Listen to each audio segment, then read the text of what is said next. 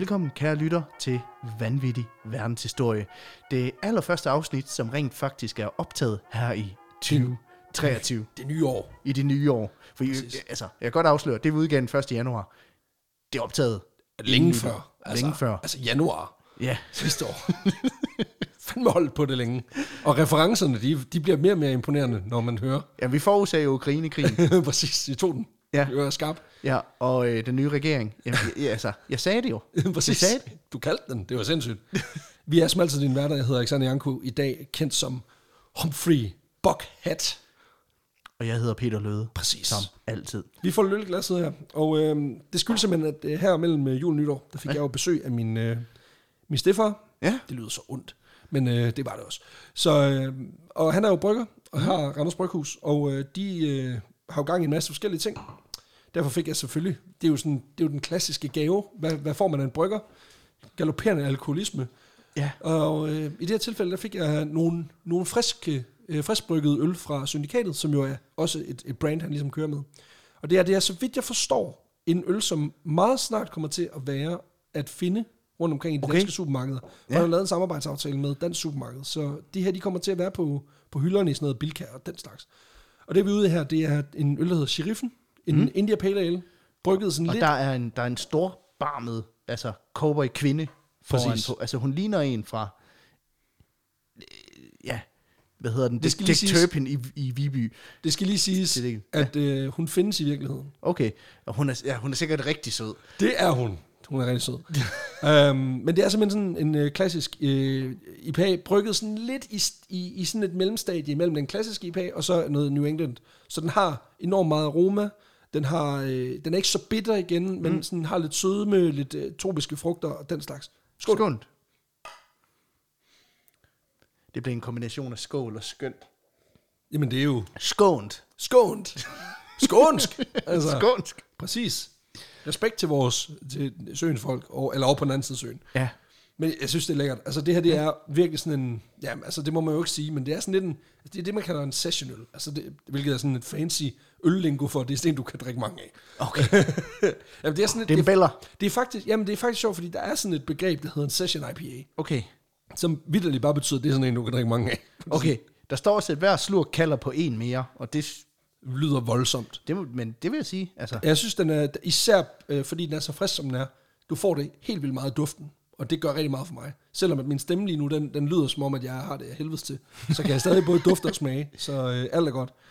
Nå, Peter. Vi skal rigtig hygge os. Jeg har en historie ja. med til dig. Du sidder bare og kigger. det håber jeg. It's all good. Det håber jeg. Jeg har ikke forberedt noget.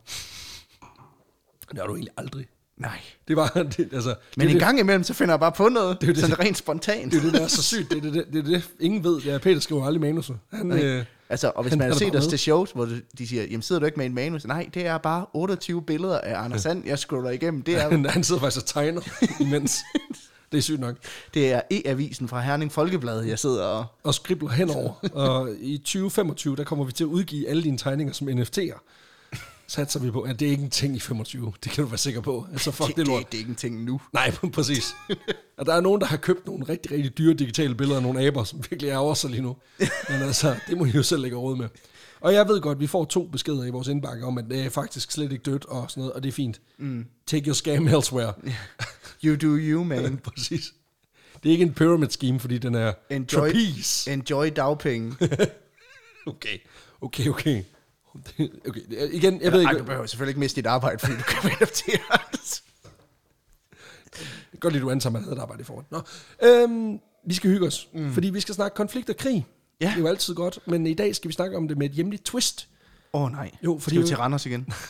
Øh, jo. Der gik der, der gik Tak til Randers Bryghus. Sidst der gik lige præcis fem dage ind i det nye år, før du ikke kunne dyre. Og det er, det er smukt. Så det, det er business as usual. Nå, skal vi til Herning igen? ja, præcis. Nej, fordi vi skal, jeg fortæller en historie, hvor en af parterne er os. The Danish people. Nå, okay, jeg troede, den, der var, jo, jeg skulle til at sige, den har jeg hørt før, hvis det var dig og mig. Nej, nej. Altså, Vores slåskamp. Nej, den, det var din indflytterfest. Peter. Ja, præcis, du var der selv. Husker du Øhm, ikke, du har erklæret krig mod svensk? præcis. Det, det er ikke svenskerne, vi er ude i øh, at slås med, men det er, det er et nordisk folk, kan man Okay. sige.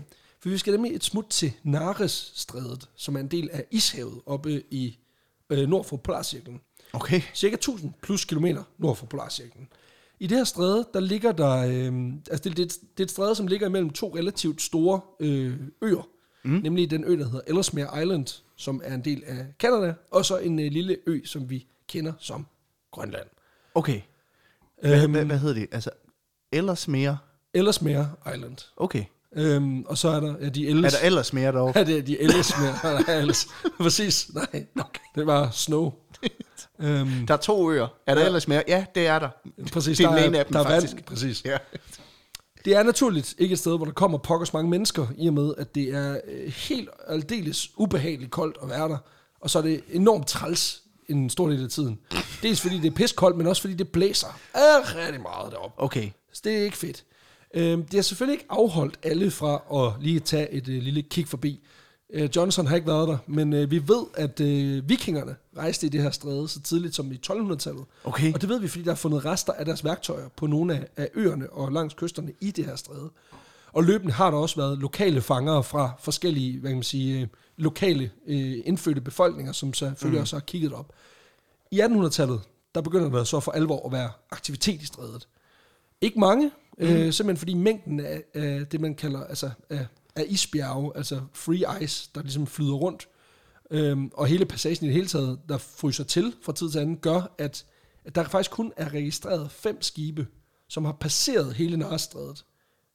Ind, altså hvis man regner fra 1948 og baglæns, Okay.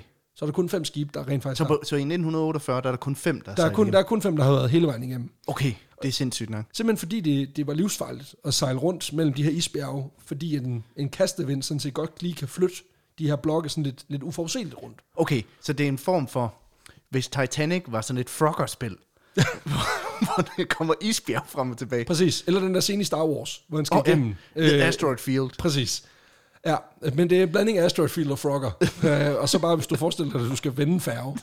Ja, så alene af den grund, så er der ret mange, der ikke skal bede om det. Øh, men der er altså folk, primært eventyr og flådefolk, mm. som beslutter sig for at kortlægge det her stræde i en jagt på ligesom at, at vinde den her sådan, metaforiske dillermålingskonkurrence, der var på det her tidspunkt i 1800-tallet om, du ved, hvem var her først? Hvem gjorde det her først? Ja, Øh, fordi det, som jo har været en konkurrence igennem hele historien med, Præcis. Altså, hvem kunne tage herhen først? Ja, og så er det sådan, jamen er det fedt derhen? Nej, men jeg det er er lort. første. Det er fucking... Altså, du dør af at være der, men det er fedt. Ja, ja. Øh, altså, hvem har først stået i en vulkan? Altså, det er jo det sidste Gollum, han siger, inden han bliver altså, ops, altså, indkapslet af Mount Dooms lava. Det er sådan lidt, yes, but I was the first. det ved vi. ja. Det er bare skruet ud af filmen. Præcis. Ja, også, Læs bogen. Og, også af Director's Cut. Der siger han, number one. det er det sidste, han siger.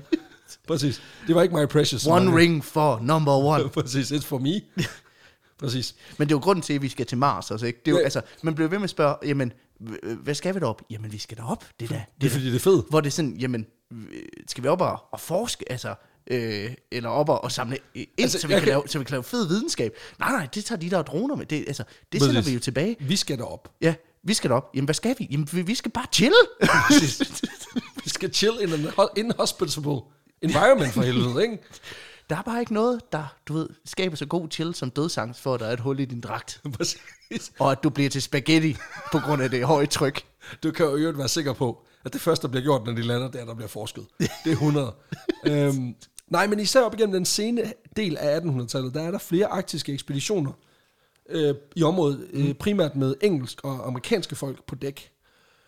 De kigger dels forbi, de kigger dels forbi for lige at se, om der ikke er en sort plet, de lige kan sætte sig på og smide et flag i, øh, i jorden. Men så er der også nogle af dem, som, som faktisk er der for at kigge efter en, øh, en kollega. Okay. Og det er simpelthen fordi, at der er en øh, kaptajn, som er forsvundet i området, nemlig kaptajn John Franklin, som forsvinder i forbindelse med hans ekspedition i 1845. Fordi det var simpelthen her, han, øh, han rejste ud for at kortlægge de sidste 500 km kystlinje i det, der hedder Nordvestpassagen. Ja, okay. Som på det her tidspunkt var ukendt land. Altså, eller det var det ikke, man vidste, det var der, men, men man, kunne ikke ligesom, man havde ikke lige tegnet det færdigt. Nej, Så der var virkelig bare sådan en håndtegnet, det lignede en femårig, der bare havde Ja. slået nogle linjer. Forestil dig et RPG-spil. Altså, du ved, du ved sådan nogenlunde, hvordan Skyrim ser ud, ikke? Præcis. Men du har bare ikke exploret øh, kortet endnu. Der er meget sort. Ja. Præcis, og det, det vil man gerne lige have styr på. Og øh, det betyder simpelthen, at, at, at der også er nogen, der simpelthen tager ud for at prøve at finde ham. Øhm, og det betyder, at der især... I, Altså, har han været væk længe?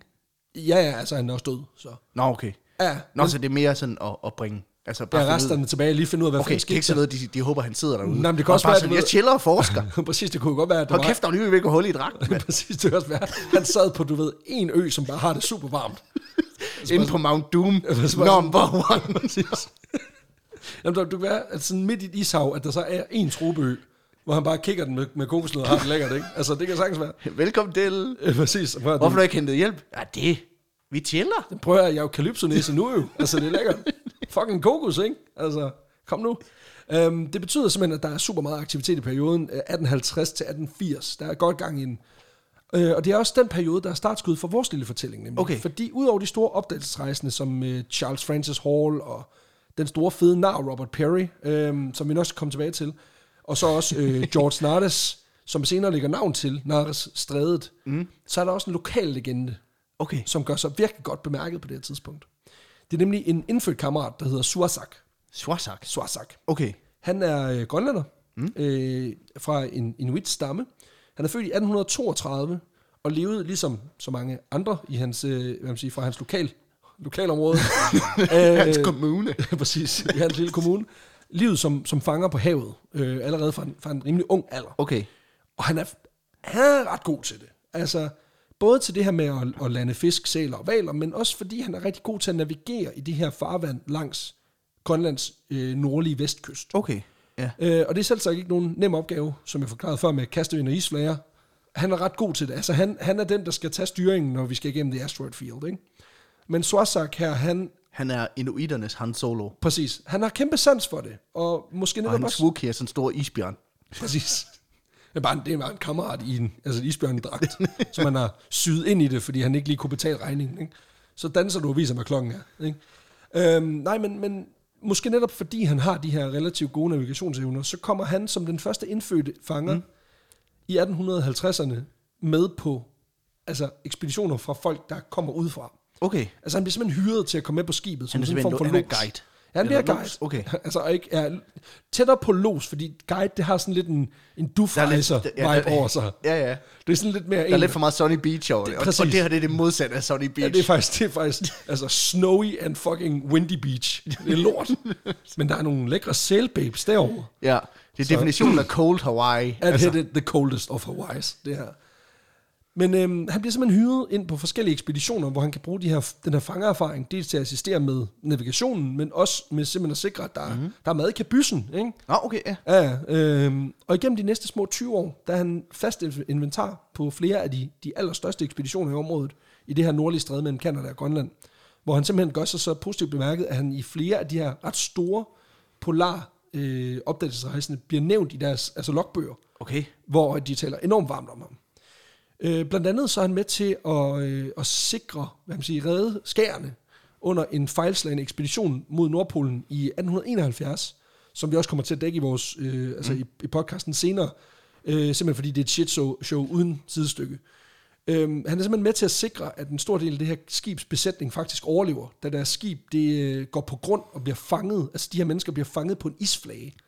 Okay, sådan en klassisk øh, Looney Tunes-style. Ja, men jeg vil ikke sige for meget, fordi det ødelægger historien til en anden dag. Men, men han er i hvert fald med til at sikre, at det går nogenlunde. Okay. Øhm, hans evner bliver senere lovprist af de her store kanoner, og de taler meget positivt om hans arbejde, og hans indsats i den her arktiske forskning bliver også honoreret, da man mm. simpelthen vælger at, at opkalde minimum en ø i Nares-strædet efter ham. Min, mindst en ø. Mindst en, det, det er lidt usikkert, men Okay. man ved i hvert fald, at den ø, vi skal snakke om i resten af podcasten, den er opkaldt efter ham. Og det bliver okay. den cirka i 1872. Det er nemlig, det er det, fordi kildematerialet i talesætter, der måske også er andre, men det her, det er ligesom hovedøen, Okay. som han får opkaldt efter sig. Det er ikke en særlig stor ø, den er cirka 1,3 kvadratkilometer. Okay. Øhm, så det er egentlig mest bare en stor sten midt ude i ingenting, men, men igen, lidt er også lidt, ikke?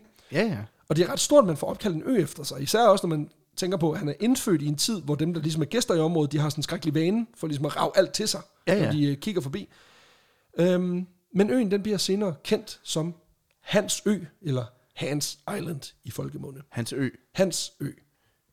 Og jeg ved godt, hvad du, du, ligner et spørgsmålstegn. Altså, er det, hvad, men hvad er der hvad- galt? Er det, er det navnet på øen? Ja. Hansø. Hans Ø. Nå, Altså, det er ikke jeg, Hans. tror, jeg tror, det blev kendt som Hansø. Hans. nej, nej. Øen hedder Hans. Nå, H-A-N-S Ø. Okay, det giver bedre med. Okay, nok. Jeg tror det var sådan, det blev senere kendt som Hansø, hvor jeg var sådan, "Nå, okay, jamen, de har også opkaldt den efter ham, så det, det, det er jo kun nok. Men det hedder simpelthen Hans Ø. Okay, Og jeg ved godt, hvad du tænker. men det hedder han jo ikke. Nej. Og det er jo fordi, at Swazak er hans indfødte navn. Ah, Og der er de sådan lidt, altså vi vil gerne opkalde øen efter dig. ja. Men jeg tænker, vi lige tager dit danske navn i stedet for. Der er jo ingen, der kan udtale det der. Præcis. Dak, dak, dak, dak. Fordi præcis. Det er jo straight up det, fordi han hedder nemlig, hans fulde navn er Hans Henrik Swazak. Mm. Men de er sådan lidt, jeg tænker, vi går med Hans. For det kan godt være, at du ligesom er herfra, mm. at alle bugterne hedder noget på grønlandsk. Mm. Eller på, altså på indfødt inuit-sprog. Jeg Ja. ved, nu skal jeg passe på, hvad Men det, er jo, det vigtigste er jo, at vi kan udtale tingene Præcis. i dit lokalområde. Præcis, men sådan... Fucking kald den ø Swazak Island. Altså hold op med det der fucking bullshit. Men de skulle lige, du ved, også fordi Hans Ø, meget bedre navn. Altså, Ja, ja, du ved, ligesom at kalde en hund for Søren, eller en kat for Jens Viggo. Det er fucking godt, altså. Ja, ja. Det, det, det, er det virker ikke mærkeligt. dumt. Det er Nej, præcis. mærkeligt. Også fordi det giver ikke nogen forvirring. Hvis ø er det, det er Hans Ø. Hvis ø. Hansø. Præcis. Men okay, but who's on first? Altså, det er hans. Det er meget bedre, at det er en linje 3 sketch, end at, at det hedder noget, som vi faktisk Et, altså, forstår. en planket linje 3 sketch. Præcis. Som, ja. ja, ja, ja, præcis. Men øh, det, det ender simpelthen med, at på trods af, at han i 20 år har knoklet for de her folk, og så får han lov til at ikke at få opkaldt en ø. Der ligger Eller- faktisk en, en, en, komplet kopi af den sketch i det her. Altså sådan, hvis ø er det, det er hans ø. Nå, jeg troede, det var din ø. Nej, din ø er derovre. Nej, jamen det er min ø. Nej, min ø, det er derovre. Præcis. Jamen, og, og det, ja, jeg, jeg, jeg, synes bare, det var sådan, det var lidt en, en spændende løsning. jeg synes også, det er, ja. Og lige at sige, jamen, ja, ja, altså, den opkaldt efter dig, men, men, men ikke det navn, du bruger. Nej, Også fordi han inviterer folk ud og siger, prøv at se, det opkaldt efter mig. Og så er det bare sådan, det, det, det, er du hedder, Swazak. Altså. det her, det er jo hans ø, hvad snakker du om? Jeg hedder faktisk også Hans. Ej, jeg ved godt, vi har kaldt dig Hans Solo og sådan noget. Slap af. det var bare for sjov, ikke? Ja, præcis. Det var en, det var en intern reference. Tag det roligt. Præcis. Men det er faktisk den her ø ude i Narestrædet, som historien rent faktisk handler om. Og det er også ved at være på tide her 20 Ja. ja. minutter inde i podcasten. Ikke? Fordi den er faktisk centrum for en årtier lang konflikt. Okay. En krig of sorts. For spørgsmålet er jo, hvem ejer egentlig Hans Ø? Det gør han. Nej, Surzak, han ejer ikke en Nå, han ejer ikke en nej, skid. nej, nej. Okay. Altså, for, mm, du får navnet. Okay. Altså, ikke rigtigt, men du får lidt navnet. Okay. Men du ejer den ikke. Nej, nej, okay. Der er ikke nogen Øhm. royalties. Der er ikke noget. Nej, svaret er egentlig, og nu skal jeg passe på, fordi jeg har jo også en bias i det her. Svaret er, at det, det er formentlig danskerne, der ejer den, i den forstand, okay. at øen på det her tidspunkt bliver regnet for at være en del af Grønlands territorium. Og efter at rigsfællesskabet med Norge bliver opløst i 1814, og nordmændene de ligesom hellere vil være homies med svenskerne, mm. så får danskerne i den her skilsmisse overdraget en del af, af hvad man siger, resten, da de laver bodelingen. Ja. Så, så, så beslutter de sig for at sige, okay, øhm, Norge, I bliver sammen med Sverige, så får Danmark alle kolonierne. Okay. Men, men primært de træls af dem, altså i den forstand, dem der ligger fucking langt væk. Mm. Så vi fik ligesom øh, Færøerne, Island, Grønland og de dansk-vestindiske øer. Lolland Falster. Præcis, Alt det der, alt det der lort, som, som de ikke i hvert fald. Men altså primært de der kolonier, som, som, ligger, som, som er besværlige, fordi der er noget administrativt ligger, de ligger langt væk. Ja, lige præcis. Og på et tidspunkt, hvor kommunikation det er sådan noget, der foregår øh, med skib. Så, øh, så der, der har Norge og Sverige kigget på hinanden og været sådan lidt, vi har, vi har it is. Ja, præcis. Hermes. Jeg ved ikke, hvad, det, hvad fanden det betyder. Men, men de var i hvert fald Hermes. Um, I starten af 1900-tallet, der øh, trækker nordmændene så lidt i land i forhold til den her beslutning. Øh, og forsøger faktisk at trække lidt land til sig. Okay. I form af sådan, de lige prøver at tage en del af Østgrønland. Lige en gang. Okay. Øhm, og normalt så vil man jo sige, at oh, det, den går sgu ikke. Men der er nordmænd, de er sådan lidt, ah, hør lige, hør lige efter en gang. For de mener simpelthen, at området, det er det, man kalder for terra nullius. Ja. Hvilket er sådan en fancy sprog for, øh, her bor ikke nogen. Og det er der ikke rigtig gjort. Så jeg tænker, det er en fucking frier. Okay. yes. Og den er kræger. Mm. Det, må jeg, det må jeg sige. Og det er et smart træk. Øh, især i det her specifikke område af, af Østgrønland, hvor nordmændene tidligere har været forbi og observeret, at der er en del øh, lækre naturressourcer, som Ah. de vildt godt kunne tænke sig Ja, at, klart. at lige Ja. kigge lidt nærmere på. Øh, og så vil det være smart, at det lige ligger der, hvor der lige var ingenmandsland. Ja. sagde vi hurtigt. Også gang. fordi det er væsentligt nemmere at nå til østkysten, end det er at nå til vestkysten. Så skal du til sig rundt om Præcis. Grønland, ikke? Ja, så de vælger østkysten. Ja. Også fordi der har de jo været før, hvilket jo så gør, at de rent faktisk... Og de har også anlagt øh, handelsstationer der. Okay. Hvilket jo egentlig gør, at det der ingenmandslandsbegreb, det er jo ikke giver mening. Men, men i deres lille kreative forklaring, mm. der giver det super meget De vidste gerne, hvad østkyst hostlers. Præcis, det blev så østkyst hostlers. Præcis. Og efter lidt juridisk snakken og, og truen op igennem de første par årtier af 1900-tallet, så beslutter nordmændene sig simpelthen, mm-hmm. at de, øh, de, de kører den originale Ukraine. Okay. Så de kører lige en frisk annektering. Yes. Altså, og det er jo nemmere at annektere en stor, altså en stor isflage med lidt land under. Ja, ja. Øh, så, så det gør de sådan set bare. Altså, det må man jo give. Altså, det er nemmere at annektere noget, når der ikke er nogen til at gøre modstand. Præcis. Altså, Udover en flok sæler. Ja, ja. Men det har de covered, fordi dem, der kommer ud og annekterer det, det er faktisk øh, val- og sælfangere. Altså Ah. norske val- og sælfangere. Så de går op og går nissebanden i Grønland på Præcis, og de, og så, okay. de, de, besætter, de besætter simpelthen en del af Østgrønland i 1931, hvor de simpelthen opsætter bygninger, handelsstationer, målestationer, alt hele lortet, ikke? Og det gør de så på opfordring fra nogle norske politikere, Ja. faktisk. Det skal så siges, at det så ikke lige er alle norske politikere, der synes, det er en fed idé. Der er et flertal, men det er snævert et. Og den her idé om at lave en annektering, den kommer egentlig først på bordet efter massivt lobbyarbejde fra nogen, der ligesom har interesse i at få fat i de her naturressourcer Ja, det er klart. den her beslutning, det, når det norske øh, ting, øh, det norske svar på Folketinget tager, det, det er ikke en fed sag, kan jeg lige så godt sige. Fordi den er faktisk så det kan jeg betændt, forestille mig. Ja. den, den er så øh, problematisk, at den siddende justitsminister i Norge, mm. en fyr, der hedder Asbjørn Lindbo, han angiveligt opsøger et kvindeligt medium. Altså en klaverjant. Okay, altså med krystalkugler hele pisset. Præcis. For simpelthen lige at få hende til at ringe ind i astralplanet, for lige at, at høre den nyligt afdøde statsminister, Peter Kohlstadt, om hvad han egentlig tænkte lige var bedst. Okay, og så sidder de med Ouija-bordet. Præcis. Skal vi annektere? Bare svar ja eller nej. Ånden er ved at blive kold. Jeg tager det som et ja. Øhm, nej, men QHV. Ved du hvad, han har altid været... Jeg, jeg kender ham. Det vil betyde ja. jeg tænker også, altså han prøver at skrive noget på grønlandsk. Øh, det må være derfor. Ja. Altså, jeg, jeg, jeg, det har ikke så meget med historien at gøre, men jeg synes bare, det var vanvittigt at tænke på, at der i 30'erne har siddet en justitsminister og været sådan et, jeg ved ikke, hvad jeg skal gøre. Okay, jeg ringer til Mirakel Ulla. Det må være løsningen. Hvis bare jeg kunne spørge statsministeren. Jeg laver lige et dead call. Det ringer lige igennem den store astraltelefon lige høre. Prøv at forestille dig, fuck gør vi? Prøv at forestille dig, det skete i dag, ikke? Altså, øh, at, øh, nu, Bjørn igen nu, nu, nu, beslutter vi os for, at de der oliefelter, vi gav til Norge, dem kunne vi sgu ikke godt tænke os. Det er da også nulius. Altså, der bor sgu heller ikke nogen derude. Præcis. Så nu, Mette Frederiksen går i Folketinget og siger, prøv at høre, jeg har spurgt Uffe Ellemann, Præcis. og han siger, det er en pisse god idé. Jamen, jamen, prøv at høre, jeg har haft, altså, vi, vi er gået insidious på den, og vi, paranormal activity, og han siger, thumbs up på den, Præcis. if I can join them, beat them. Jeg har, han. jeg har bedt ham, jeg har råbt højt ind i et, øh, et meget haunted house, at øh, hvis du vælter alle stolene, så, så annekterer vi. og så vælter alle stolene. Hov, var det 90 mandater lige der? Ja, præcis. Hvis du får trappens øh, t- t- trin til at knirke, så er det et ja. Præcis. Kom så Uffe, kom så Uffe. Ja, præcis. Og Jacob Ellemann står der, okay, det er lidt vildt, det er dig, han snakker med. Men så igen, det var også et problem, da han var i live. Så det er cool, det er cool. Øhm, nej, det var en mindre detalje. Men det ender altså med, at de her fanger og, og lidt andre, de simpelthen sætter sig på et stykke Grønland i, mm. i 1931, indtil de lige får at vide af en international domstol, at det, det må ja. Nej, Jeg ved ikke, hvorfor han er fra Jylland, men det er han. øhm, kan du komme ned derfra?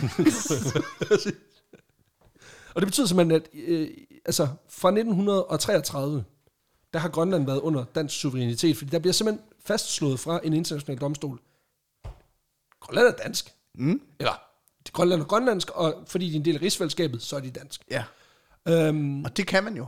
præcis. Altså, ja, ja. Fordi deres argument i, det, i retten, i verden, ikke? Ja. som man kigger på det her, det er, du kan jo ikke bare sejle op et sted, og så plante dit flag, og så sige, det er dit, vel? Længere. Når der er andre, der har gjort det først. Præcis. Altså, Og der har været en sur, der har været en sur præst. er dårligt, når man går efter sloppy seconds. Præcis. Og der har været en sur præst i 1700-tallet, og en anden præst, og noget med nogen, der har forsøgt at fuck hele befolkningen op. Prøv at høre, og der er lavet nogle handelsstationer. Hold nu kæft, det er deres. De har udnyttet naturressourcerne og den lokale befolkning allerførst. Mm. Så det er deres. Ikke? Ja, Der kan ikke være to assholes i kommunen. Vel? præcis. det, det her land er ikke stort nok til, at der er assholes plads til os begge to. ja. Men det betyder simpelthen, at fra 1933, der er Grønland dansk, lige med undtagelse, øh, at på et tidspunkt, eller de, de er dansk, men der er lige nogen, der forsøger en gang mere, nemlig at der er nogle nazister, der prøver at indtage Grønland under 2. verdenskrig. Øhm, og det lykkes ikke. Nej. Og en øh, lidt sjov ting, jeg læste i forbindelse med researchen, det var nemlig, at nazi-arkitekt nummer et, altså Albert Speer, Ja. han faktisk overvejede at gemme sig i Grønland efter krigen. Men som der stod i kilden, så ændrede han mening og besluttede sig i stedet for at overgive sig til de allierede. Okay. Det er, for, altså, han har Han har, sådan, han har læst på papiret, Grønland sounds nice, så han åbnede brochuren. Det ser koldt ud. Fuck det lort. Jeg, tager, jeg går ind til russerne. han kigger på kortet og var sådan, okay, hvid, I like. og så, nå, det er sne. Nå, for helvede. Hold da op, det ser, det ser godt nok koldt ud.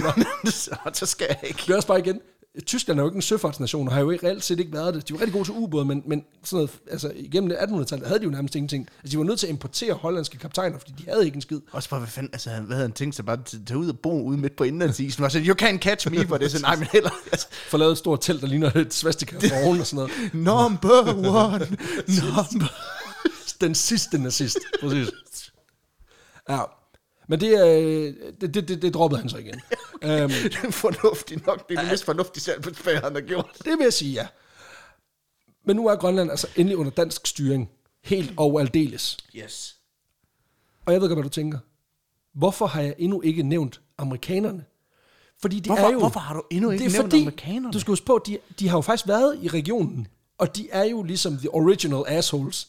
Ja, her de- kommunen. Jeg skulle lige at sige, okay, britterne, hollænderne og spanierne og portugiserne er faktisk også original assholes, når det kommer til kolonisering. Franskmændene egentlig også, øh, danskerne også egentlig. Men, men de, de er kommet efter det. Mm. Altså amerikanerne, på det her tidspunkt, der har de egentlig også øh, lapperne rigtig langt nede i at prøve at tage land.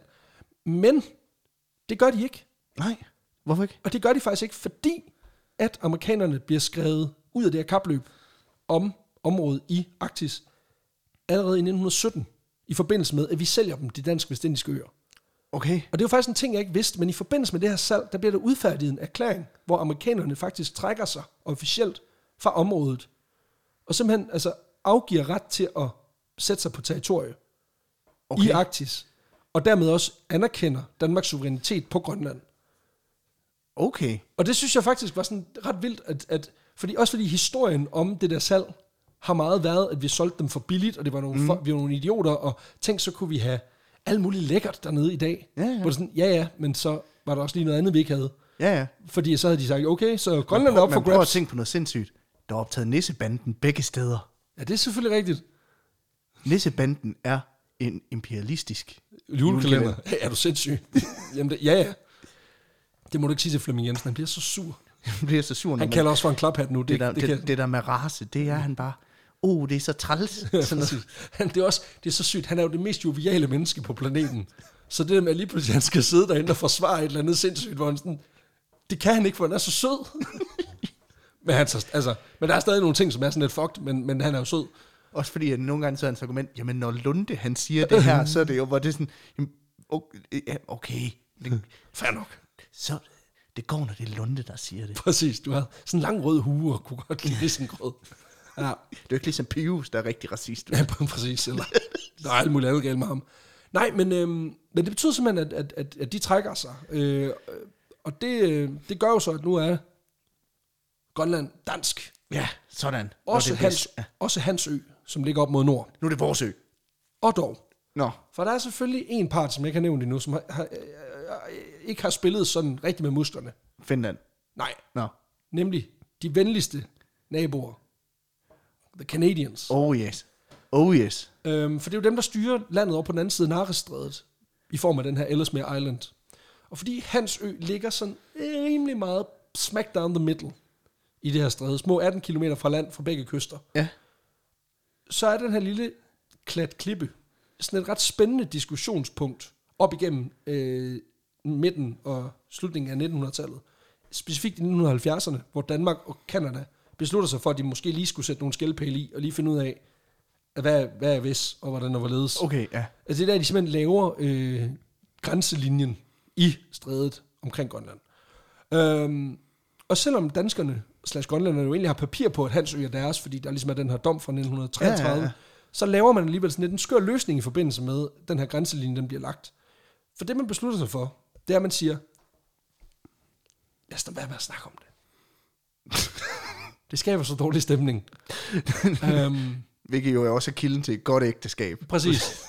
Man i tale sætter faktisk, selvfølgelig i tale sætter man en ø, men, men, men ved at sige, skal vi ikke lade være med at snakke om det? Mm. Så det, der sker, det er, at man tager faktisk ikke stilling til, hvem der ejer den, da man udfærdiger den her linje. Og det, der reelt sker, det er, at man, når man tegner ligesom den stiplede linje, der er grænsen, Ja. så springer man bare øen over. Så, så, Så, så, der, kystlinjen, den går, eller hvad, så så linje, grænselandet går, linjen den springer. den springer simpelthen bare lige øen over. Fordi det, det gider vi ikke. Så Det, folk bliver så sure, Ja. Også fordi, det ripper jo op i det der med, at vi kaldte den hans navn, men ikke rigtig hans navn, fordi vi er nogle racist fucks og sådan noget. øhm, ja, det er også amerikanernes skyld, kan man sige. Men, men Også ikke fordi det skaber forvirring, når de, vi siger, det er vores ø, hvor de siger, nej, det er hans ø. Hvor det er Præcis. sådan, nej, jamen det, ja, men hans ø er vores ø. Nej, vores ø er derovre. Altså, nej, ikke den der linje 3 sketch igen. Jeg kan det ikke. Altså, vi overgår det ikke igen. Præcis. Den er så ringe. det er så pisse dårligt, så lad os lade være. Der er kun dårlige jokes på det der. Men ender simpelthen med ikke at tage, tage stilling til det. Jeg, jeg har en fornemmelse af, at det ligesom handler om, at kanadierne har forsøgt at sige, at det er lidt, hvad deres danskerne har hævet noget papir op af skuffen, og i sidste ende, så er det blevet sådan en mærkelig akavet stillhed, indtil begge parter har sagt sådan noget. Vi kigger på det. Mm. Ikke? Vi lader den ligge, og så går vi videre til eventuelt. Præcis. Så, ja. Men også fordi, at essentielt set ikke, altså det er en ø, der er mindre end sprogø, og det er en region, hvor der ikke ligefrem skorter på ligegyldige sten, der ligger ud i vandet. Altså, nej. Så man kan sige, det er også det der med, at de formentlig har kigget på det og sagt, det er en petitesse, det er ligegyldigt, det betyder ikke noget. Den ligger sådan lidt træls, men who gives, ikke? Ifølge Tom øh, Højem, som var grønlandsminister, eller han blev det i hvert fald ja. senere i 1980'erne, for Centrumdemokraterne, så handlede det formentlig mest om, at kanadierne og danskerne blev enige om, at den her ø ikke skulle komme i vejen for et godt samarbejde. Okay. Altså, de har ligesom godt kunne se, at det her det bliver en lille betændt lort i et ellers fint samarbejde. Lad os lade være med at snakke om Men det, hvor, fordi øh, hvor, hvorfor fanden er det så vigtigt? det kommer vi til. Okay. Det kommer vi til. Det giver også mening, ikke? Altså, det er en lille snak derude i havet, 10.000 vis af kvadratkilometer, hvor der er altså alle mulige aftaler, som er vigtige, altså miljøaktiviteter, fiskeri, alt muligt. Og så er det bare åndssvagt, at der er nogen, der holder sig på, at de, hold, de ejer stenen, ikke? Ja, ja, det er klart. Skulle man tro. Fordi det viser sig, at de der fucking kanadier, de kunne sgu ikke lige holde nallerne fra stenen alligevel. Okay. Øhm, for i starten af 80'erne, der er der sgu aktivitet på, på Hansø. Okay. Ret meget endda. starter invasionen fandme. Præcis, og det er ikke den kanadiske udgave af Robinson eller Alene i Vildmarken. De har spurgt den afdøde forsvarsminister, og han synes, det var en fjong idé. Præcis. Det, prøv at forestille dig, hvis, det var, hvis man optog Alene i Vildmarken på en sten. Altså, det er vidderligt. 3 gange, 300 gange 400 meter. Mm. Det er en sten. Der er ikke noget. Høje klipper. Nothing. Det program skulle jeg fandme se. Ja, Hvem holder længst ud? voldbilligt at producere os. Ja, jeg også Et kamera. Ja, præcis. De kan bare filme en drone. Folk giver op på en eftermiddag, for der er ingenting. Der er lige en, der fanger en måge, han vinder. øhm, Der er nogen, der når at lave en linje 3 skit, så river de andre midt over. så æder ham. æder det er selvfølgelig rigtigt. Måske var det sådan et crude af halvt dansk og halvt øh, kanadisk, det ville også kunne noget. Nej, men øh, Hansø bliver lige pludselig et øh, populært hængudsted, især i sommerperioden i start 80'erne. Sådan lidt sommerlejr-agtigt. Nå. Øhm, og dem, der lige øh, kigger forbi, det er primært videnskabsfolk og måleteknikere og ingeniører fra et kanadisk firma, der hedder Dome Petroleum. Firmaet her, de øh, begår sig primært inden for olieindustrien, mm. øhm, og primært i steder, hvor det er svært at få hævet olien op. Så det de gør, det er, at de har specialiseret sig i at bygge blandt andet boreplatforme i områder, hvor der godt lige kan flyde et lille isbjerg eller, eller 100 forbi. Okay. Og for ligesom at sikre stabilitet, så bliver de her platforme bygget på kunstige øer, som bliver anlagt, og så lægger man dem ah, platform ja. ovenpå. Og øhm, for ligesom bedre at finde ud af, hvordan man kan bygge de her øer, og sikre de her boreplatforme, øh, så de kan modstå en kollision med et stort stykke is, for eksempel, der kommer flydende, så vælger firmaet faktisk at bruge Hans Ø, fordi den naturligt er ret oplagt at lave den slags beregninger Og på sådan en lille ø. Ja. Fordi den, den ligger jo midt ude i er der kommer ja. rigtig, rigtig mange isklumper forbi, og en del af dem støder også lige ind i øen, hvilket jo så er det, de kan måle på. Så allerede fra 1980, der begynder folk at besøge den her ø for at lave målinger, og flere gange i de kommende år besøger op mod 20 mand den her ø af gangen. Og nogle af dem, de bor der simpelthen i flere måneder, Okay. for at lave de her observationer. Og tænker også bare fedt, det, det må være. Det er kraftet med. Jeg skal, på, jeg skal lige på ekskursion med firmaet. Hvor Hvor skal du hen? Et spændende sted. Nej. faktisk, faktisk, prøv at forestille dig det mest spændende sted, du kan. Mm. Og så bare lige omvendt. Fordi det, du kan faktisk ikke tænke dig noget mere ufedt. Det er rimelig lort derude. Forestil, forestil dig Sprogø, men mindre. mindre. Okay, Mere sten. ja. Mere sten. Og så, når Fimbulvinteren kommer. Så rigtig koldt. Ja, og den, det, den, altså stenen er vidderligt formet sådan, at der er ikke en naturlig, øh, hvad hedder sådan noget, altså der er ikke en naturlig øh, strand eller en, en, et sted, hvor man lige kan gå på. Altså det er vidderligt bare to meter høje klipper, og så Okay. er der en ø. Så det er ikke sådan, at du lige kan gå ned til vandet eller noget. Altså det er lort. Okay. Okay. Hele vejen rundt. Men, øh, men folk kommer derud. Det, der ligesom er problemet ved det her, Mm. det er jo, at øh, de gør det, Ja, og så at de ikke lige ringer til Danmark og informerer om, at de gør det. vi kommer lige forbi. Ja. Præcis. Heller ikke i 1982, da Kanada og Danmark indgår en, en relativt stor miljøaftale, hvor man faktisk diskuterer netop muligheden for, om man ikke kunne bruge den her ø som facilitet til at lave forskning. Det ville være, det var da oplagt, hvis vi skal lave et samarbejde. Præcis, og kæft, det har været smart. Hvad, der kanadierne lige- så bare lidt sådan, vi, ja, vi bor der jo i forvejen. Nej, de, de siger nemlig ingenting. Okay, Der bliver bare holdt, altså, holdt helt kæft. Og grunden til, at det her overhovedet bliver opdaget, det er, at der er en amerikansk forretningsmand og øh, forfatter, der hedder Ken Harper. Han er på en øh, forretningsrejse i Kanada, og der løber han på en fyr midt ude i ingenting, mm. som render rundt med en strikhue, hvor der står Hans Island. øhm, og der er jeg nødt til at sige, det er det mest snævre merch i verden. altså vi snakker om det der skide køleskab, men vi er jo sådan, er det så snævert, der ikke er nogen, der kommer til at købe det? Det her, Hans Island, ja. ja, de, altså de her merch, altså I got rocked at Hans Island, ikke? altså, I visited Hans Island all got was this Præcis. t-shirt. Præcis, men også bare det der med, det er jo ikke en særlig hemmelig mission, hvis du får lavet fucking merch, altså, eller venindetøj fra turen. Altså, det, det er jo ikke godt. Men det er måske, fordi de ikke regnet med, at det opdaget. Ligesom, Hvis en FBI-agent gik ned igennem New York med en trøje, hvor der stod, We killed Martin Luther King. Præcis. Og det er alligevel også en edgelord, der kommer rendende der, var. Ja. Men Ken Harper, han opdager den her Hans Island merch, og han er sådan lokalt interesseret, han kender ret meget til Grønland, øh, og er ret sikker på, at det, det er jo Grønlands territorium. Så han spørger lige ham her kammeraten med den fede strikhue, øh, hvad han, hvorfor, han, Ja. hvorfor har du den på? Ja, og så klart, siger manden ja. sådan, jamen jeg, jeg er sgu ingeniør for det her olieselskab, og jeg er lige kommet hjem fra den her tur, og, og i bund og grund så spiller han bare, altså The Beans, han fortæller helt lortet om det her projekt, og giver jo et klart indtryk af, at hans ø er kanadisk territorium. Og da Ken sådan lige tjekker op på de informationer, han har fået her, så finder han sgu rigtig nok ud af, at der er en del kort Mm. af området i Kanada, hvor hans ø lige, lige er kommet med i snirpen. De har, været, de har kigget på det der og været sådan, der mangler jo streg der. Ja, præcis, så de siger, Øh, joik. præcis. Det er da kanadisk nu. Så der er et eller andet her, der er helt fucked. Øh, Ken her, han øh, er også skribent ved siden af, skriver artikler, og han er virkelig sådan en nørd. Så han øh, beskriver det her møde i en artikel, som bliver udgivet i en lille lokalavis op i det nordvestligste Grønland. Og på en eller anden syg måde, selv i 80'erne, der mm. når den her historie relativt hurtigt til Danmark, Okay. bliver udgivet i en større dansk avis, og så sidder grønlandsministeren ellers bare og åbner sin politik eller whatever, læser det her af snit.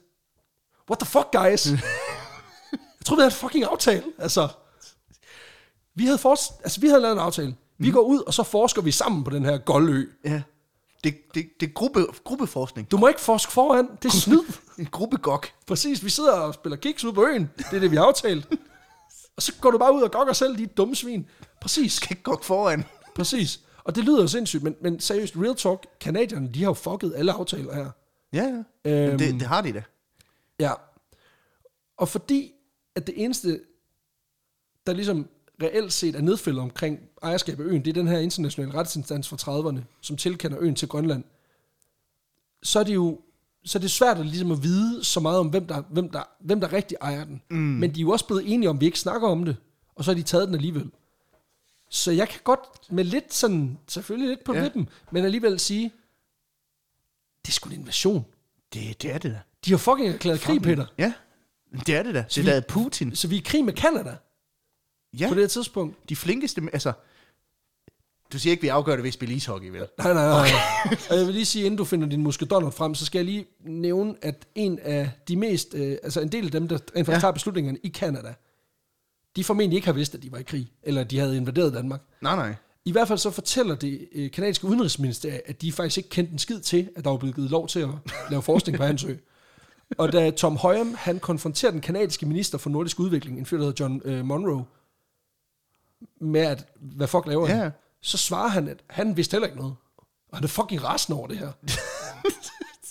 så det er der okay. sket. Så det er bare den her virksomhed. Nej, fordi kilderne, der er en af kilderne, det, det er meget svært, fordi jeg har, jeg har virkelig forsøgt at finde ud af, hvad fanden fucking skete der. Der er en af kilderne, der i tale sætter det, som værende en kommunikationsfejl imellem nogle departementer. Ah, the classic. Ja, og det er sådan en form for, altså, du ved sådan, ilands sprog for, du ved, der er enten nogen, der er super inkompetente, eller der er nogen, der har taget imod nogle penge. Mm. Jeg skal ikke kunne sige, hvad, hvad det er, men, men der er ligesom, der er nogle mails, der ikke er blevet sendt, eller en fax. Der er nogen, der eller er andet, bare Bærel- Bertelsen på den og tænkt sådan, fuck det, vi gør det. Præcis. Vi gør det. Altså? Præcis. Og der kan man sige, bare fordi ministeren for nordisk udvikling, han er gået sådan, han er gået battle hårdt på den, og nu er han fandme sur, ikke? Ja. Så betyder det jo ikke, at alt er tilgivet. For de har stadig med vores grænser. Ja, ja. De er stadig det, er, invaderet jo, det, er jo en, det er jo en diplomatisk krise, det Præcis. her. Altså, Og det skal annektering af, af land. Præcis. På den måde skal man ikke... Og der vil jeg skide på, om det er en, en, en snotklat af en ø ude i ingenting, ikke? Fordi det her lort, det skal fucking forsvares, Peter. Godt. Og det, de gør, det er, at de, øh, de sætter sig sammen, to ministre, et fra hver land, og så øh, ringer de op til dem, der var ministre dengang, via sådan en Ouija-board. og så spørger de, Hvad fuck skete der, hvad guys? fuck skete der? Og så siger de, vi kunne ikke lige tage en beslutning. Og så er de lidt sådan... Og så spiller de kiks i det så er hensides de meget om sådan, øen. det er både meget kanadisk og meget dansk. Ja, præcis. Og så er vi venner, og så spiller de kiks, og så er alt godt igen. Så er det den, der tager den. Nej, hvor vi nok i dag vil sende et par hundrede betjente fra diverse politikredse op til ligesom at sidde på øen med automatvåben, for ligesom at vise, vi værner om vores grænser. så, øh, så vælger øh, Tom Højem en sådan lidt mere mindelig, men også sådan en meget sådan Mission Impossible-agtig løsning på det her. Okay. Fordi i øh, juni 1984, der flyver han til Grønland, og så chartrer han lige en helikopter ud til øen, hvor han formentlig til, til altså temaet fra Mission Impossible, Bom, bom, bum, bum, bum, bum, bum, bididu. så bliver han firet ned. Ej, han lander helikopteren trods alt. Men han, så tager han simpelthen ud, så planter han et stort fucking Dannebrogsflag, mm. med en besked til kanadierne om, at det her, det er vores Kanadierne har sat sådan nogle laser op, han skal, skal igennem. han skal under. Præcis. Og Og er han laver en- alle sine egne stunts. Præcis. Der, er han en nifty fuck, fordi det viser sig, Tom Højen, han er jo bare den danske Tom Cruise. Altså, han hopper også gerne ud af et fly, hvis det er det, der skal til for at promovere. Nej, men han, øh, han ender simpelthen med at sige, det er danskernes sø. Okay. Og for lige at sætte trumf på, fordi vi, ligesom også for at vise, vi er danskere, for lige at give det lidt lethed mm. også, så står han lige og smider en flaske cognac også. Okay. Og specifikt så er der tale om en øh, flaske fra producenten Otar. Og det er ikke øh, tilfældigt valgt. Det er simpelthen fordi, at den øh, navnet Otar stammer fra en nordisk kriger ved navn Otar, som simpelthen indtog Skotland i, øh, i Okay. 800-tallet. Så det er simpelthen lige for at vise, jeg bringer lige min 1200 år gamle kriger i spil, mm. men nu er han cognac. Okay. Og det er jo dansk. Det er så dansk. Vi ved, der er ikke noget, der er dansk territorium, før du har drukket dig stiv der. Præcis. Og det er derfor, vi har tabt alle krigene.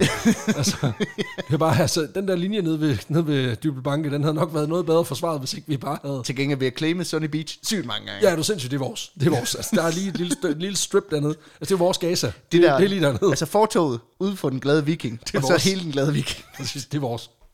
Præcis, så kan man få en val og lige hygge sig. Der er også valfanger, der har annekteret Det er den. derfor, du skal vise pas for at komme ind. Det er fordi, du faktisk går over en anden grænse. Præcis. Og det er jo ikke for at tjekke, at du er fyldt 18. Nej, nej, nej. Det, det, altså, det giver også mening, at det, det er nogle lidt andre valfangere, end, end nordmændene sendte i 30'erne. Der er det jo øh, dolken og knaldperlen, bare står og drikker shots. Drikker blå fisk. Der drikker nordsøolie. Åh, oh, jo, man. Øh, total hård valg, man. Præcis, og kæft, den er hård. Vores grænsekontrol, den er hård. Total blå valg, man. Præcis. Kæft, mand. Nå, men de her første kamphandlinger i krigen om Hans Ø, eller The Whiskey War, som den senere bliver døbt. Fedt, mand. Valg. Fedt, man. Ø. Ja. Nej, men øh, de her, det er simpelthen de første. Altså, det er de første krigshandlinger i den her krig. Det skal siges, Tom, Ja. han er rimelig tilfreds med sin, med sin lille mission her. Mm-hmm. Ifølge ham selv, så forespørger han faktisk, om man ikke kunne overveje at, at omdøbe øen til Toms ø. Fordi nu, nu er han jo... Når, når alt virangen har lagt sig, han har jo gjort noget. Han har claimet lortet, ikke? Ja, ja. Han foreslår det i første omgang til Grønlands, øh, deres selvstyres leder, som så lige kontrabyder og siger, at der er sådan en øh, sø på øen, eller det er en, det er en vandpyt, ikke? Den kunne man jo kalde Toms Sø. Okay, så det er hans ø med en tom, sø. Præcis.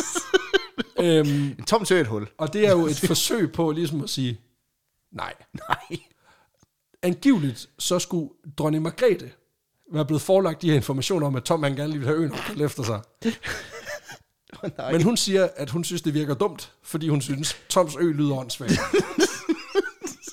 og der er jeg ked at sige, Daisy, du fucking nailer det shit. altså, nytårstalen, det her, I like. Ja, det var derfor nytårstalen det år, det bare sluttede med, at uh, hun, hun bare ryster på hovedet, i stedet for Gud bevare Danmark, bare ryster på hovedet og siger, nej Tom, nej Tom. Fucking Toms ø. Og alle danskere sad, "H- hvad betyder det? Præcis. Der var ikke nogen, der havde Og han sad på. derhjemme, satans Og Tom, også. Tom han har siddet derhjemme. For, ej, pis, jeg får ikke min ø. Den giver 80 gange igen på Unibet. Yes, catching! Ja. Nej, men øhm, Der blev sendt mange hilsner til det grønlandske folk det år. det var det faktisk. Men også bare fordi Toms ø, det lyder som sådan et sted chokoladebar, der er gået ud af mode, de tager hen for at dø. ja, ja. Og jeg vil sige, altså tanken om, at Uffe Holm og Søren Fagli, de tuller rundt et eller andet sted på en eller anden klippe et sted, og vi ikke behøver at forholde os til dem igen, den er da egentlig tillokkende. Der åbnede en normal butik til gengæld. Ah, jeg tror godt, de kan klare til fire stykker. Men øh, altså, det er næsten så godt, at man kunne overveje det. Men, men jeg tænker, vi lader den ligge. Um, der er også nogen, der skal lave en podcast om, uh, du ved, sidste woke-free zone og sådan noget. Det er fedt nok. Det er fedt. Den her offensiv, Woke Free Island. så sidder derude. Det er min ø. Nej, det er, det er hans, men min er ligger. Ja, you get the joke. You du get it. den. Det var sjovt i 90'erne, ligesom mig. Er det Søren Fagli? Nej, okay. Um, Why not both? Ja, præcis. Nå, men den her offensiv, som Tom han ligesom lægger for dagen, den, øh, den bliver kanadierne opmærksom på. Og de retter faktisk en smule ind, fordi at det de gør, det er, at de beder det der Dome Petroleum om ligesom at pakke deres lort og smutte over i Kim Larsens Tivoli. Og så tager de ellers handsken af i forhold til den her forestående territorialkrig. Fordi Okay. det er en klassisk so, you wanna fight, eh? Okay. Uh, Eller som vi sagde fra Danmark, har du et fucking problem, eller hvad? du er Palme, der er smart. Du er sgu da smart. Men præcis. De skulle bare sende nogen fra Randers derop, så var der, ikke, så var der aldrig været noget. Altså. New Randers. Ja, bortset fra, at de så skal smide, du ved, altså to kasser mokai hver anden uge, det er noget lort. Ja, to paller, egentlig. Øhm, men allerede året efter, der kigger kanadierne simpelthen forbi øen. De finder det her efter et brev, de finder flag, konjak, hele lortet. Og de beslutter sig for, vi lægger lige en kraftig modoffensiv. Så i bedste kanadiske kampstil, så lægger de flagstangen ned, ruller pænt Dannebro sammen, så sætter de deres egen flagstang op, hænger Maple Leaf flaget op, og mens det vejrer, så stiller de en kasse whisky, og så Sådan. pisser de hjem igen. De ved, hvad vi kan lide. Også bare fordi, de, de, de, det er Det er tydeligt, diplomati. det, det er tydeligt, at Canada har, har været med i konflikt, og de har ikke været i deres egen krig. Nej. For det er ikke sådan, her krig virker normalt. Men, men okay. Altså, når det er imod os, fair nok. Øhm, men det bliver simpelthen mønstret over de næste små 40 år. Nemlig, at kanadierne... 40 år? Ja. Ja. Nå ja, altså det er fra 80'erne til, til nu, egentlig. Øh, fordi kanadierne og danskerne, de tropper simpelthen på skift op på øen, fjerner de andres flag, sætter deres eget op, og så efterlader de lige en flaske af landets bedste. Det skal siges, vi går over mm. til snaps, fordi Okay. cognac er jo fransk. Men, øh, Jamen selvfølgelig. ja. Hvad, det er Røde Aalborg. ja, og det er også det, jeg sådan tænkte, altså cognac, den er lige på Den er vippen. bedst kold, det vil jeg sige. Men hvis du stiller en flaske rød Aalborg, så er det faktisk en optrapning af konflikten. Ja. Altså jeg kunne godt med en god Porsche, den er sådan, den ja. er sådan I middel. det mindste er ikke lunken. Der altså, også bare, du ved, altså hvis du stiller en, en, kasse, en kasse rød Aalborg, det er jo nærmest en, en, en krigserklæring i sig selv. Altså, det er ikke, det, så, man, så mener man det i hvert fald alvorligt. Så, så er man ikke, vi er ikke venner i hvert fald. Nej, og man kan sige, det kan ikke være linjeakvavit, fordi den, den skal ned rundt ned ved ekvator. Det er simpelthen for langt, og Ja, så tage den præcis. derop. Ja, bagefter. præcis. Ja. Øhm, og det er formentlig den her del af krigen, som folk, der lytter til os lige nu, og måske også du har hørt om, altså det her med, at de sådan frem og tilbage, der bliver stillet en kasse sprut, øh, og det, det er sådan den fredeligste krig. Jeg, altså, hvis jeg har hørt om det, men jeg, jeg, altså, jeg vidste faktisk ikke, at At det var en rigtig konflikt. Nej, og at det, nej, og at det for det første det var så seriøst, og Nej. at vi var involveret i det. Nej.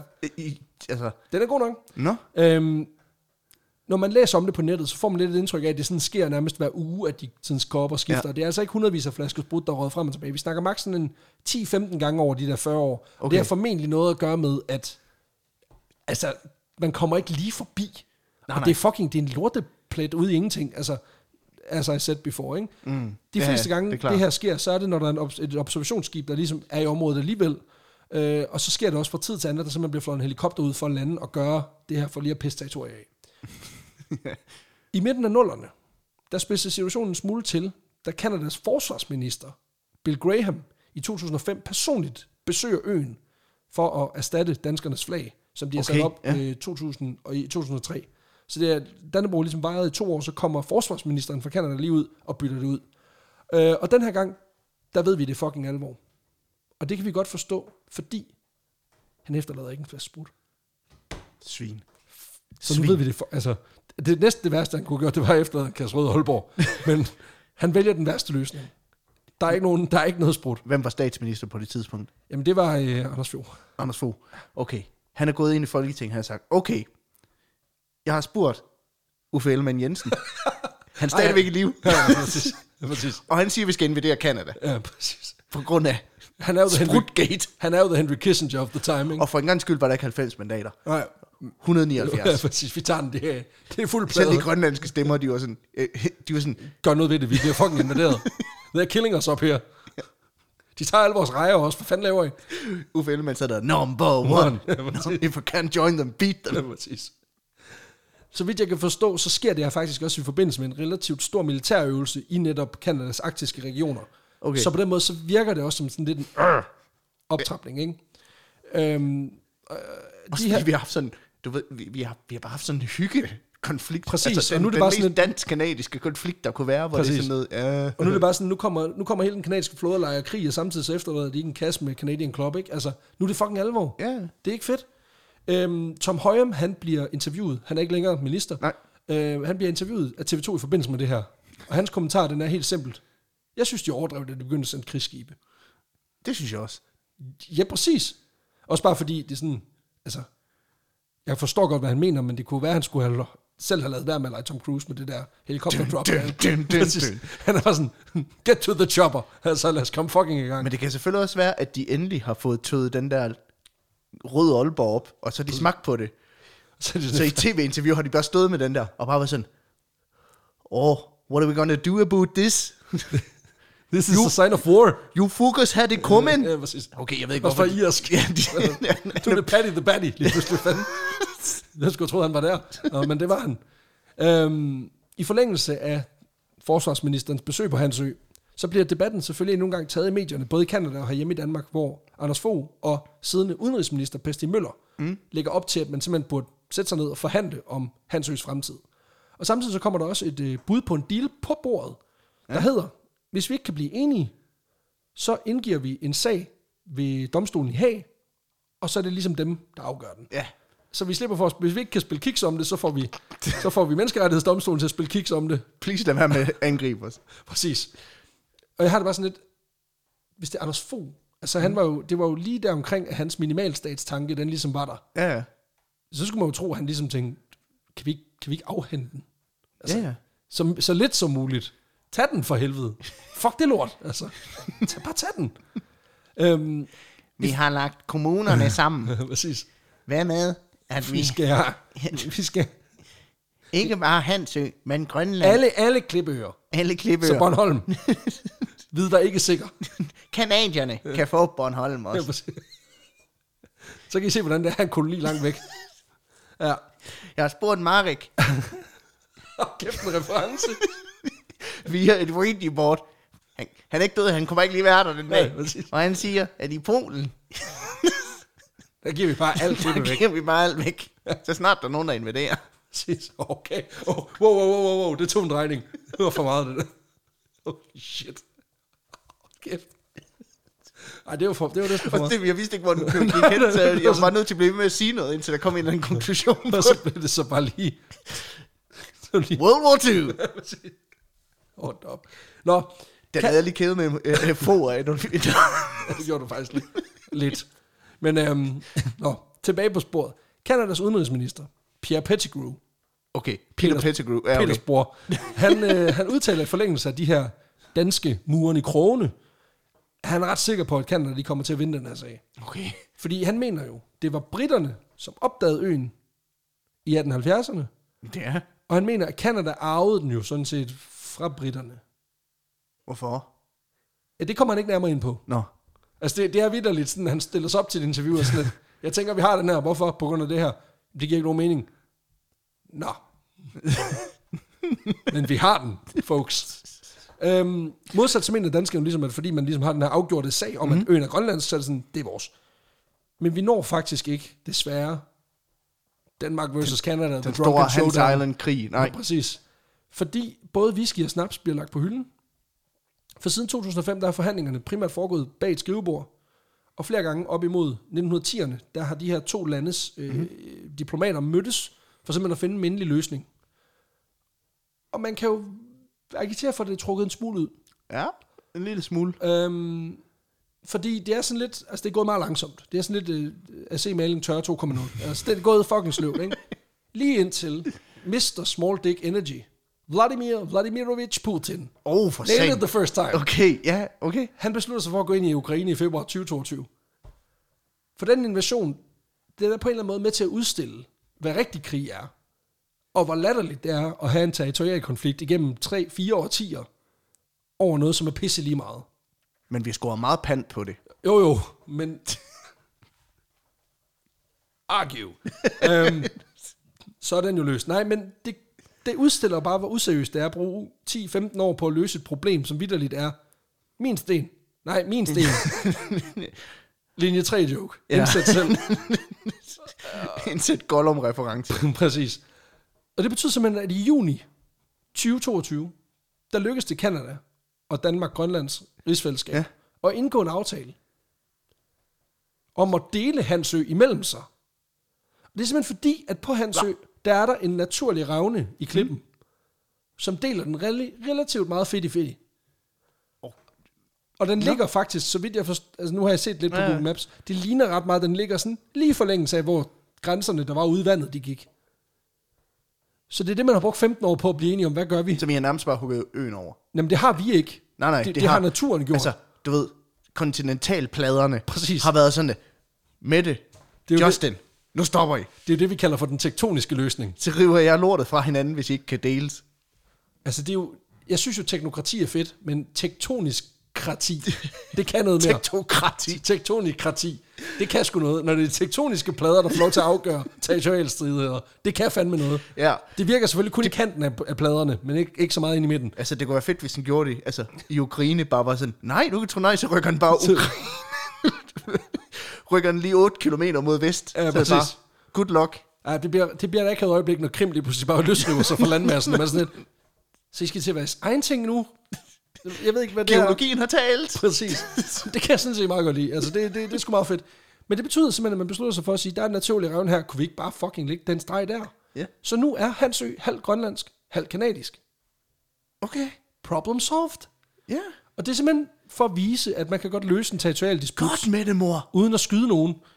Øhm, det eneste det kræver, det er 40 år, 6-8 udvekslinger af flag og sprut, for at finde ud af, at vi kan bare lade de tektoniske plader gøre fucking arbejde for os.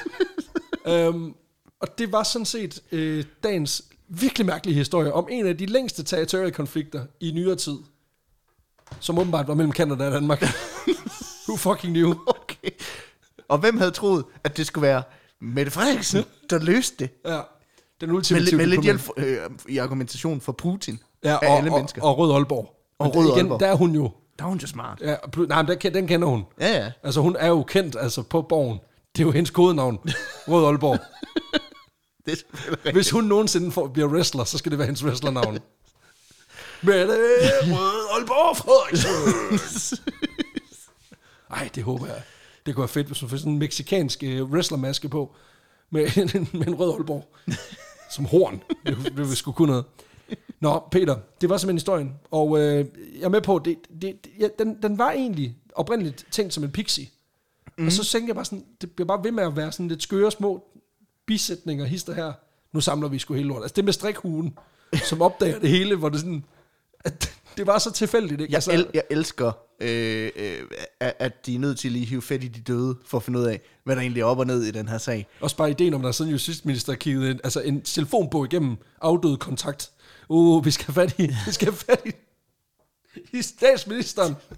Du må kunne løse det for os. Skal vi invadere eller ej? Ja, Det synes jeg, vi skulle gøre noget mere. Bare tage fat i. Altså, afdøde, og så de hører. Hvad tænker du? Geronimo, skal vi? Skal vi tage den eller hvad? anker! Ja, Hvad gør vi? Det gør vi. Ja.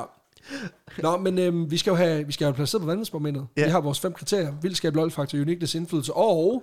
Extra spice. Præcis. Og Peter, du får lov til at lægge for. Hvor vild er historien? Altså, man kan sige, jeg synes omstændighederne omkring det er, er vildere end historien. Altså, Ja, ja, ja. historien er jo egentlig bare øh, at der bliver udvekslet nogle flag og nogle, noget, Ja, ja, ja. noget? Øh, og at det er en Og lang, lige og, en- og det er en lang konflikt, primært fordi begge lande lidt har glemt den. Også fordi, øh. Øh. jamen, også fordi det er begge to. Altså, det er topmålet byråkrati, ikke? Ja, ja. Det er sådan, vi udskyder lige til næste uge. Jamen, det er det. Ja. Øh, jeg vil godt give den 6. Ja, men jeg er sådan set med dig, fordi den er sådan, altså den er rimelig mellow. Der er lidt med, med det racistiske aspekt i starten, hvor det sådan lidt, du ja. Får en opkald efter dig. Er det rigtigt? Swasak Island? Nej, Hansø. Nå, okay. Hans Henrik, ikke også? Ja. Og det er, og det husker vi det- til næste gang, det- så jeg skal sige det til dig igen. og det er Hans Henrik to you. Altså. Og man ved jo, det er ikke langt fra, det er sådan, det har været. Nå, men så har vi jo lol-faktor. Hvor sjov er historien? jeg synes til gengæld, det er en fucking grineren historie. Altså, Ja. jeg synes virkelig, det, altså, Det er så dumt. Øhm, så dumt. Der, der er virkelig mange bizarre aspekter af det, som jeg synes er, er vildt grineren. Ja. Altså, øhm, øh, som sagt, øh, mediet synes jeg er sjovt. Jeg ja. kan godt lide øh, hele den der øh, altså, konflikt, og at det gang på gang bliver så stor en ting, når det bare er Altså, det, det var det, der, det var, det var latterligt. Ja, fuldstændig. Det, fordi det, Men det ved de også selv. og det er jo det der, det er en stor sten, og hver gang vi kommer til at diskutere det, så er begge lande lidt sådan, ja, ja, det er en stor sten, så derfor skal I bare give den til os. Ja, ja, præcis. Og det er sådan, det er fucking ligegyldigt. Ja. Hvor det er sådan, nej, det er jo dansk territorium, vi giver væk, hvor det er sådan, det er halvanden kvadratmeter. altså, Who gives? Altså, vi har fucking Grønland. Det er fint. Vi har masser af sten. It's, it's all good. ja, vi kunne jo lave Grønland Vestindien-trækket, og så bytte Ja, med noget præcis. andet. Kan vi få, kan vi få 10 kvadratkilometer inden i... Giv os Halifax. Ja, præcis et eller andet. det er alligevel helt raseret efter bombelort. Altså, det er fint. Kør. Ja, men hvad synes du? Hvor? Øh, jeg vil godt give den 8. Jamen, jeg skulle lige til at sige, jeg, jeg er egentlig også på noter, for jeg synes sgu egentlig også, det er ret grineren. Så har vi jo uniqueness. Altså, mm. territoriale konflikter. Der var der ikke absurd mange af. Nej. Men, jeg synes alligevel, den er, den er deroppe af. Den er spændende. Så jeg, jeg vil gerne give den en femmer. Jeg synes, den er relativt rimelig. Altså, den er ikke sådan voldsomt unik, men den har Nej, det, det, det, det er jeg enig i, og det er egentlig fordi, jeg sådan... Nej, der er ikke mange territoriale konflikter, der er, på, på den måde er så byråkratiske og, øh, Ligegyldige. og ligegyldige. Og Øhm, langtrukne. Ja, det er det. Øh, langt de fleste territoriale konflikter ender jo i, i krig, ikke? Præcis. Øhm, og handler jo mere om invasioner, end det bare handler om, om, om sprut. og på den måde, så, og på den måde så er det jo en, en unik situation på Præcis. den måde. Øhm, så jeg vil godt give den, ej, jeg vil faktisk godt give den 6. Ja, perfekt. Så har vi så indflydelse. Altså, altså det der med, at, den, at det kommer op på statslederplan, gør jo lige lidt i et øjeblik. Så derfor giver den to. Men den skal heller ikke have mere for mig. Mm, nej. Altså, jeg kunne forstå, hvis, sådan, hvis, du ved, hvis vi havde givet hele lortet til Canada og bygget en, en luftbase, Ja. eller de havde fundet ud af, du ved, hvis du borer to, met, øh, to meter ned, så er der jo bare fucking meget olie. Der er meget mere end i alle oliekilder. Og så er, det kun, så er det kun diamanter. Så Ja. er det bare ren diamant. ja. Hold kæft, men det var der, Stein Bakker igennem pengene? Jokes on you, Danmark. Nu Ja. vi tage linjen derover. Altså, ja, det er så danske penge, men, men stadigvæk. Ja. Altså, det er så der, der, er jo- det er jo ikke noget, der har ind, det er jo ikke noget, der ændrer en skid. Nej, og præcis. det, øh, så ja, to. Det synes jeg, Jeg også synes en to er, er fair. Og så har vi jo Extra Spice. Altså. Jeg synes, det er, det er en spicy konflikt. Altså, fordi- alene det, at Putin han ligesom er katalysatoren for Præcis. diplomati. Præcis. Og vi har altså The Chopper Move, og vi har altså sprutkrig, og vi har Ja. lige lidt, lidt, lidt starthistorie også med, nogle, øh, med, med en grønlandsk mand, der bliver fucket, fucket seriøst over. det, kan, det kan jeg så ret godt lide. Og så det med, med strikhugen, det gør også bare lige et eller andet for mig. Så, så for mig, der er det en, det er en, det er en otter. Ja, Det synes jeg. ja. Ja, lad os sige det. Det synes jeg sgu egentlig er meget fair. Og det, øh, der, der er nogle gode detaljer i den. Altså, jeg synes, Ja. det, der, altså, der er noget fedt over, øh, over det. Ja. Jeg kan, jeg kan også godt. Jeg, jeg, jeg synes, det er så... Det er, så, det er bare det er så skør en ting. At det er vildt, at, det, at den er trukket så langt, at man ikke bare i 70'erne har været sådan et kæksving til højre. At det gjorde kanadierne jo, kan man sige. Ja. Da de tegnede kortene. Ja, den er vores. Men øh, de, ja. Og det er en sjov detalje også, at man bare sådan, du ved, man har siddet og skulle tegne den der linje, og så har man bare været sådan, ah, det må nogle andre orden. Ja, præcis. Altså, ja, præcis. Det, øh, det, det virker helt syret. Men det bliver altså 59 til historien om øh, krigen om Hans Ø. Super duper. Til dig, kære lytter, hvis du godt kunne tænke dig at se os live, så har der en lille mulighed tilbage, nemlig vores show i Aarhus, hvor der Ja. stadigvæk er på altså skrivende stund lige omkring 100 billetter. Ja. Ja. vi satte det i salg for, øh, for to-tre uger siden. Faktisk det er efter jul. Ja. Det var meningen, de skulle have været salg før, eller vi i hvert fald rigtigt. skulle have offentliggjort det. Øh, det kom ikke til at ske, Nej, øh, så det blev først først offentliggjort, at de var i salg efter jul. det er rigtigt. Og det var helt syret, fordi altså, der var, jeg kunne se, der var solgt sådan 30-40 billetter, inden Mm. vi havde sagt noget. Ja. Det er the hardcore fans. Det kan jeg godt lide. Men det betyder altså, at der er stadig lidt tilbage, så hvis du sidder på øh, den rigtige side af broen, eller er meget dedikeret, Ja, ja, så har vi altså et show i, øh, i marts, jeg mener det er den 19. marts, på øh, Musikhuset mm. i Aarhus. Øh, og vi har allerede lagt os, vi lægger os, altså, ja. åndssvagt at blive ved med at sige, at vi lægger os i scenen for at have noget godt med. Det synes jeg, vi altid gør, men, men altså, jeg har allerede nogle, nogle store planer, vil jeg lige, kan jeg lige godt sige. Det kan faktisk være, at vi kommer til at være lidt i samme, samme retning som i dag. Nu må vi se. Det må vi se. Og øh, mål for 2023, det må være live show på Hansø. Ja, for helvede, Det hvor skal sådan vi en der. tom sø. Ja, Tom, ja, altså, vi sidder i Toms sø, på hans ø. ja. Min ø, eller? Nej, Lige- Vores? Ja. Nej, det er derovre. kan vi købe en ø, egentlig? Det kunne også være en ting. Walk Free Island. Ej, så bliver du forholdt. Så skal jeg lave noget Leo Vegas reklamer og noget. Nå, kære lytter, vi lyttes ved næste uge. Samtidig samme sted. Ha' det fucking sprødt. Hej. Hej. Moin. Ja, okay.